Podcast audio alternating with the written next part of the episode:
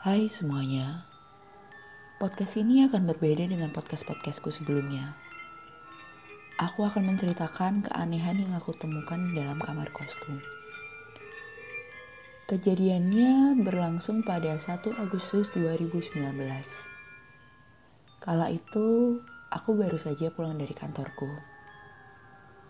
Waktu menunjukkan pukul setengah tujuh malam. Ku ambil kunci kamar dari dalam tasku. Saat aku memasukkan kunci ke dalam lubang pintu, ternyata aku menemukan hal aneh. Pintu kamarku tidak terkunci. Padahal aku yakin betul bahwa pagi hari sebelum berangkat, aku sudah mengunci kamarku. Pintu kubuka perlahan. Lampu kamar kunyalakan. Ternyata ada hal aneh lainnya yang aku temukan. Peralatan mandiku yang seharusnya di dalam kamar mandi pindah berserakan keluar kamar mandi. Aku buka pintu kamar mandiku. Syukurlah tidak ada orang di dalamnya. Awalnya aku takut ada amali masuk ke dalam kamarku. Aku memeriksa berbagai barang berhargaku. Ternyata tidak ada yang hilang. Karena di dalam kosku memang tidak ada barang berharga karena aku yang berharga. Aku pun positive thinking. Kalau bukan maling, berarti hantu. Aku berinisiatif untuk menanyakan kepada ibu kosku melalui WhatsApp. Siapa tahu beliau paham mengapa hal ini bisa terjadi.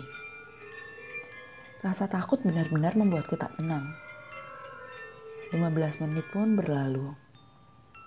Tiba-tiba handphoneku bergetar ibu kosku menelepon. Dengan suaranya yang lirih, beliau bercerita.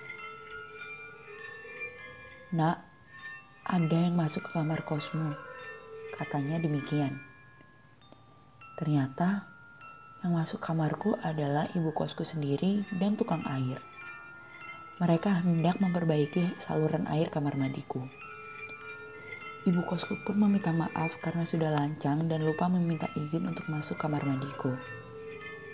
Beliau harus buru-buru ke rumah sakit karena ayahnya sedang sakit. Rasa panik membuatnya ia kesulitan membagi pikirannya.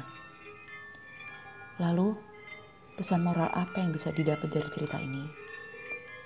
Tentu saja, kita nggak perlu terlalu mengaitkan segala hal dengan mistis. Karena kasihan juga ya jadi setan bisa salahin mulu hidupnya.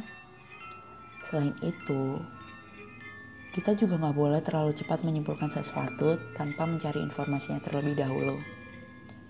Jadi, sekian dulu ya podcast randomku yang mungkin gak berbobot ini. Semoga kalian, para pendengarku, para becak lucu bisa terhibur dengan podcast yang gak ada pesan moralnya ini. Sampai bertemu di podcast-podcast selanjutnya.